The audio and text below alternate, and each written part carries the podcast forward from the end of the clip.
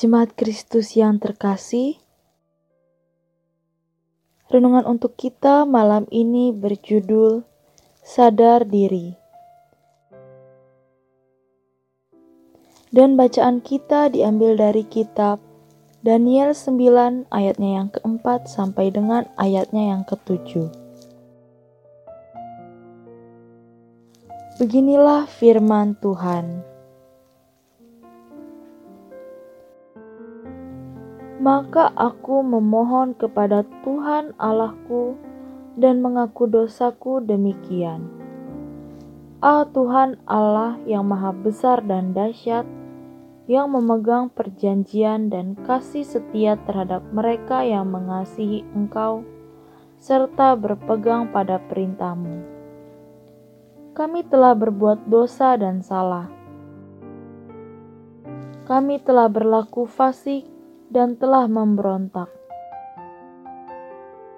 Kami telah menyimpang dari perintah dan peraturanmu, dan kami tidak taat kepada hamba-hambamu, para nabi yang telah berbicara atas namamu kepada raja-raja kami, kepada pemimpin-pemimpin kami, kepada bapak-bapak kami, dan kepada segenap rakyat negeri.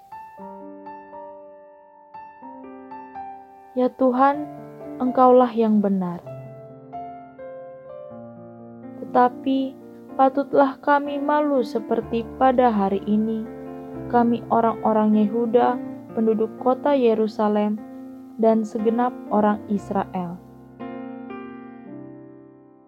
Mereka yang dekat dan mereka yang jauh, di segala negeri ke mana engkau telah membuang mereka, oleh karena mereka berlaku murtad terhadap engkau. Lebih mudah mana mengaku dosa atau menyembunyikannya? Kemungkinan besar jawabannya ada tiga. Lebih mudah mengaku atau bisa juga lebih mudah menyembunyikan dosa. Atau sebaliknya, mungkin lebih sulit untuk menyadari kita sedang berdosa dan merasa kehidupan kita baik-baik saja. Apa yang diungkapkan oleh Daniel ini adalah sebuah doa yang ia naikkan kepada Allah karena ia merasa bahwa bangsa Israel semakin hari semakin hidup sembarangan dan tidak lagi mengindahkan apa yang dikatakan Allah melalui para nabi.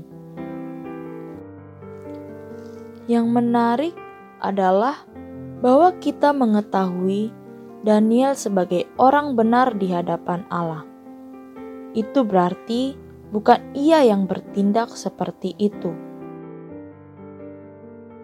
Dia berdoa untuk bangsanya dan mengaku dosa untuk bangsanya, yang bahkan sebenarnya ia tidak terlibat di dalamnya. Kita melihat kebesaran hati yang dimiliki Daniel. Kemungkinan besar Kenapa Daniel berdoa seperti itu adalah karena dia pun juga merasa belum layak untuk disebut sebagai orang yang benar di hadapan Allah. Bukankah sikap seperti ini juga kita rasakan semakin sulit untuk kita temukan akhir-akhir ini? Bukankah sikap yang sadar diri dan rendah hati juga kita dapat sebut sebagai sikap yang sudah langka, kita melihat bahwa semakin hari kita melihat banyak orang merasa dirinya sebagai sumber kebenaran yang mutlak.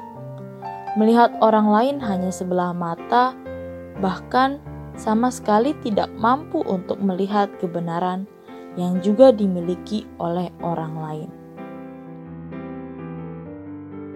mari kita kembali secara bertahap menghidupkan lagi sikap yang sadar diri dan rendah hati, karena Allah berkenan dengan sikap demikian. Demikianlah renungan malam ini. Semoga damai sejahtera dari Tuhan Yesus Kristus tetap memenuhi hati dan pikiran kita. Amin. Jemaat yang terkasih, mari kita bersatu hati menaikkan pokok-pokok doa yang ada dalam gerakan Doa 21 GKI Sarwa Indah. Mari berdoa.